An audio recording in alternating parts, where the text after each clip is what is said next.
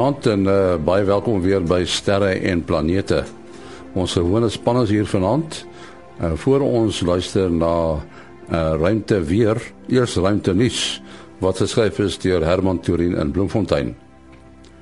NASA se robottuig op Mars Curiosity gaan binne enkele dae vir die eerste keer begin om van Mars se duine te ondersoek. Die duineveld waarheen die tuig nou op pad is, staan informeel as die Banyolt duine bekend en is donkerkleurig. Dit is aan die voeteewels van Berg Sharp geleë wat Curiosity geleidelik besig is om te bestyg. Die duine beweeg teen ongeveer 'n meter per jaar. Die kwadrant waarin die duine voorkom staan as windhoek bekend, juis oor die teenwoordigheid van die duine. Namibiese astronome het verskeie plekname uit Namibië aan NASA voorgelê om aan uitstaande kenmerke in die windhoek kwadrant toe te ken. Curiosity sal ook van die duine se materiaal in sy aanboord laboratorium ondersoek. As die Amerikaanse Kongres nie intussen verder op die Amerikaanse ruimteprogram besnoei nie, sal die VSA oor 2 jaar vir die eerste keer in verskeie jare oor die vermoë beskik om bemannings na die internasionale ruimtestasie te neem en terug te bring aarde toe. Sedert die bekende pendeltuie uit diens gestel is, is die VSA van Rusland en sy Soyuz vuurpyle afhanklik om bemannings na en van die stasie te neem. NASA het nou 'n bemande vlug aan die einde van 2017 by die firma SpaceX geplaas en die vlug sal met die Crew Dragon onderneem word wat nog ontwikkel word. SpaceX mag dalk deur Boeing voorgespring word by wie NASA reeds 'n bemande vlug bestel het. Boeing se CST-100 Starliner word egter ook steeds ontwikkel. Tot sover ruimte nuus wat geskryf is deur Herman Turin in Bloemfontein. En nou skakel ons oor na Florida en Kobus Olkers vir ruimte weer. Ja, soos ons nou verlede week gesien het, was daar 'n bietjie van 'n storing of twee gewees met die internet. Uh hierdie week het ons uh, nog steeds 'n uh, potensiële probleempie met uh 'n baie groot koronagat, 'n kroon koronagat bo op die noordpool van die son. Sowel as op die suidpool, beide van hulle is uh is ongelukkig suidwaarts gerig, so dit kan die aarde 'n bietjie van 'n probleem gee. So hierdie week is dit hoofsaaklik uh koronagat verwante ding uh probleempies. Met ander woorde, dit is 'n baie hoë spoed sonwindstroom wat van die son se kant af kom en dan die aarde se magneetveld stadig uh, verskuif en daar is 'n bietjie uh variasies in die ding so hy soos 'n soos 'n stootwind wat so 'n bietjie ruk en te kere gaan en dan veroorsaak hy nou probleme probleme in die ionosfeer wat vir ons probleme gaan gee met langafstand radioverbindings. Uh die ander goed behoort nie veel van 'n probleem te hê nie. Daar is drie aktiewe areas wat ons kan sien op die oomblik. Uh twee van hulle is baie mooi bipolêr, so hulle alhoewel hulle redelik groot is, sal hulle nie onstabiel wees nie en die ou kleintjie wat nou so net net oor die horison gedraai kom van die son. Hy lyk asof hy dalk 'n bietjie kompleks kan wees, maar hy sal as hy so iets doen, sal dit eers hier teen die einde van die week wees want hy's nog nie eens naaste by geo-effektief nie. Dit was uh, ruimte weer en dit is aangebied deur Kobus Olkers in Florida. Ons het ouer gewoonte weer ons uh, span by ons. Dit is uh, Willie Koorts van die SAAO en uh, professor Mati Hofman daar in Bloemfontein van uh, die Universiteit van die Vrystaat, die Boden Sterrewag en die digitale planetarium. Interessante dinge wat uh, gebeur uh, Mati, jy het seker ook gelees van die ouens van Amazon, heeltemal 'n ander oord nê, uh, wat dit reg gekry het om 'n uh, vuurpyl weer op die grond neer te sit nadat Elon Musk 'n paar keer probeer het en eintlik nie geslaag het nie. Ja, mense kan die die video gaan kyk baie skouspelagtig. Ja, mense moet nou maar Google is ook geassosieer met die maatskappy Blue Origin. En uh is ek uh, reg verstaan het het hulle hom omtrent so 61 myl, so kom sê so 'n bietjie oor die 100 en uh, ja, rondom 120 km uh opgeskiet, so dis tot in die ruimte in 'n klein kapsuletjie afgeskiet wat dan met valskerms geland het. En die vuurpyl uh die hoof liggaam van die van die tuig uh het teruggeval in 'n vertikale posisie. En dan moes hy betyds sy uh motore weer aanskakel uh om sy spoed te rem en uh, so klompie meters bo die grond het hy nou 'n hoë drywing oorgegaan so om sy val te keer en hy toe mooi relatief sagte landing uitgevoer en mooi regop gaan staan. En dis nou die eerste hernubare volledige vuurpyl. Nou wat vir my interessant is is dat dit nou uit hierdie vreemde oord kom, Amazon, jy weet hulle verkoop boeke en al daai goed. Ja, waarskynlik het ouens met die tegniese vermoëns uh, met hulle kontak gemaak want hulle het die die fondse agter hulle, jy het uh, ouens wat bietjie wil waag en uh, baie miljoene dollars beskikbaar kon stel. Ehm um, maar jy het sekerlik van die beste ingenieurs nodig. Ek weet nie hoeveel wese NASA ingenieurs dalk ook by so 'n projek betrokke is nie, maar wel in um, Amerika kan die privaat uh sektor baie groot dinge regkry wat in ander lande dalk net via die die staatse uh, navorsingsinstellings uh, moontlik is.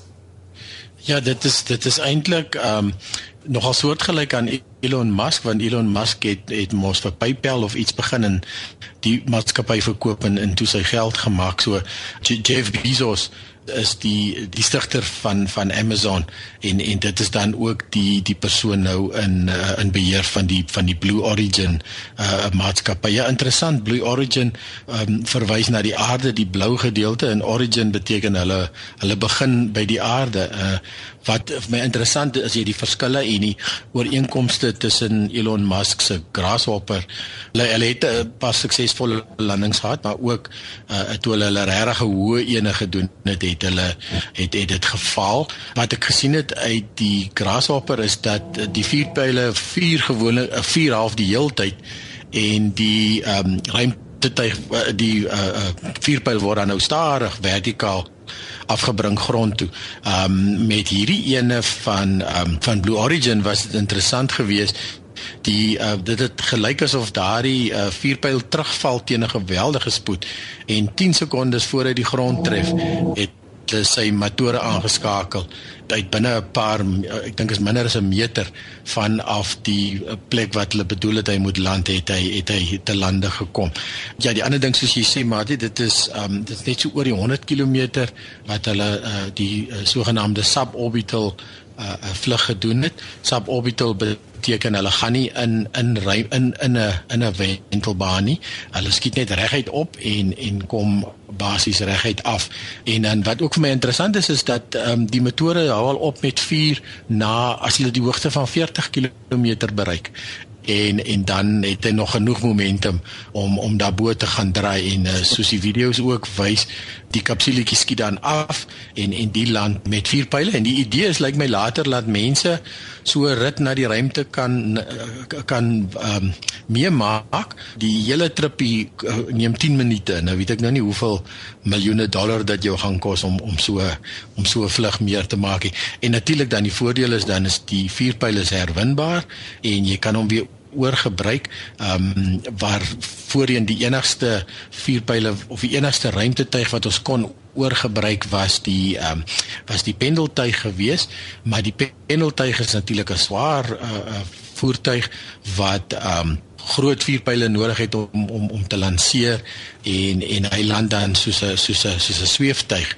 en in in die geval het jy meer half 'n tradisionele vuurpyl wat wat opskiet die boonste gedeelte skiet af en gaan doen sy werk en en land op sy eie en dan bring hulle net die die vuurpyl weer terug en en herwin hom weer. So ja ongelooflik dat ons nou dat ons nou daar is. Ja interessant genoeg ook die tuigie is ehm uh, wat hulle opskiet sy sy naam is New Shepherd en New Shepard verwys na Alan Shepard wat die tweede persoon ooit in die ruimte was, maar die eerste Amerikaner, die eerste persoon in die ruimte was natuurlik die Rus Yuri Gagarin en uh, so hy was die eerste Amerikaner wat ooit 'n uh, ruimte toe is. So dit is dan waarna die die die die tuigie vernoem is.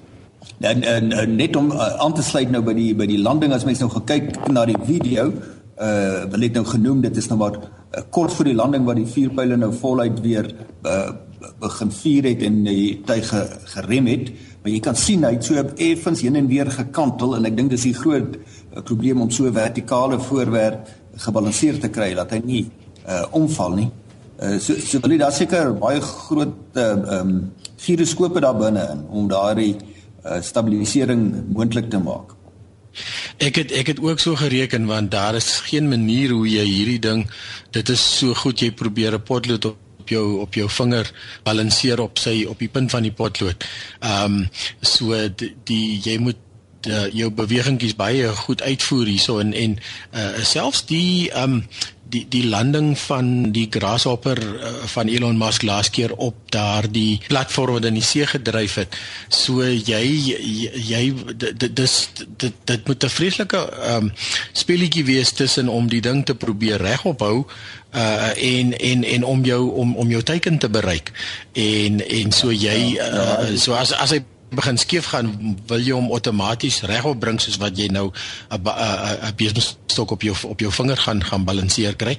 Ehm um, maar uh, om hom op 'n spesifieke plekkie te gaan neersit kos nogal kos nogal 'n klomp 'n klomp stelseltjies wat wat al daai beheer moet doen. Jy kan nie daai laaste sywaartse beweging inpas om hom te stabiliseer nie. Jy moet nou daarso land en dit was waarskynlik die probleem gewees. Daar die die laaste SpaceX landing wat amper gewerk het. Hy was op die omtrent op die platform, maar daai stabiliteit was nie nie daar nie.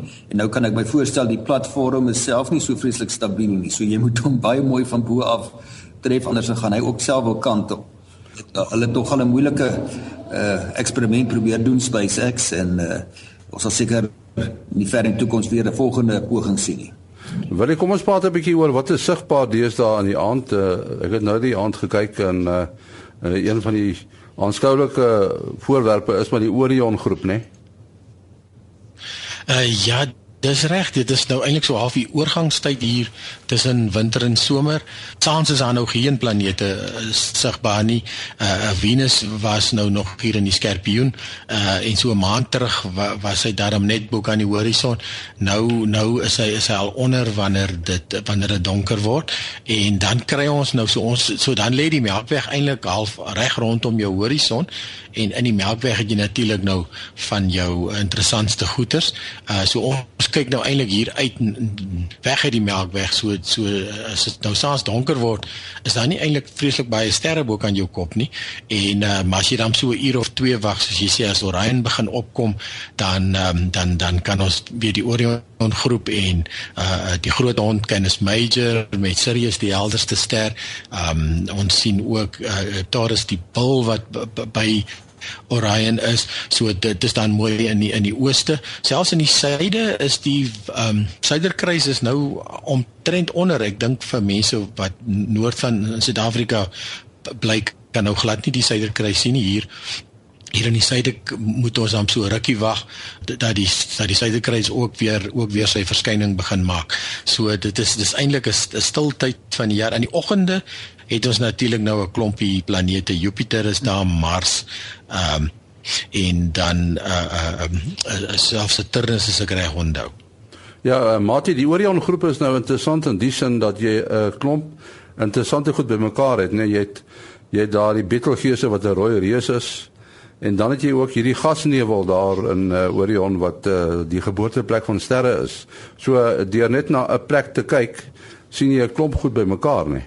Ja, dis 'n baie mooi gebied daarso want jy het nou die die rooi reus, die een skouer van Orion. Mens kan duidelik die rooierige skynsel uh, optel en dan net so in die noordooste vroeg aan, kom ons sê nou maar hier so van uh, daarom seker kos maak dit so 9 uur se kant uh, en jy kyk reg oos dan sal Orion die drie konings feitelik reg oos wees, maar in die uh, noordooste gaan jy dan die Taurus uh, optel en ek sien die die maan sit ook nogal vanaand in daai omgewing die amper volmaan hy word nou vinnig vol so dit maak dit nou nie so ideaal nie maar daar's so 'n veevormige groepie sterretjies uh en sy een uh, een ster uh Aldebaran is wat ons maar die rooi oog van Taurus noem Taurus die bil ehm um, is dan ook 'n super rooi reus en mens kan hom nou vergelyk met dan die een skouer Betelgeuse van uh van Orion. Uh terwyl die nee teenoorgestelde kant van die drie konings van Betelgeuse ehm um, het jy die baie helder ster uh Rigel.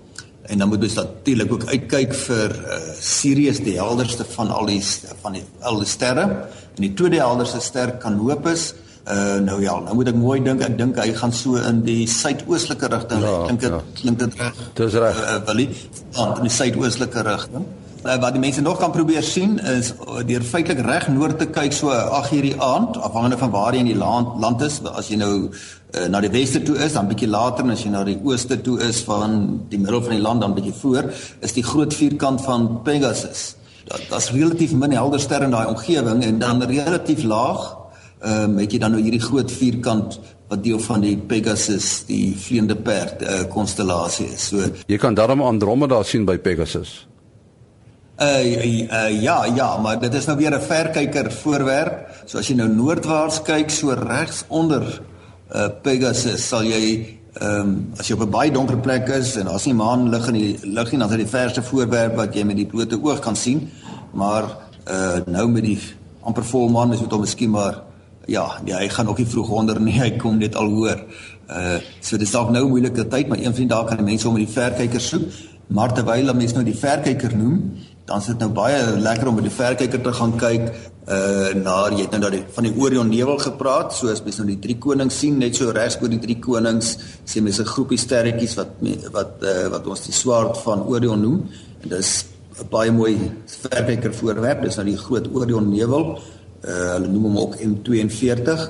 En natuurlik die stergroepie daar by die maan van Taurus se kop wat nou veervormig is.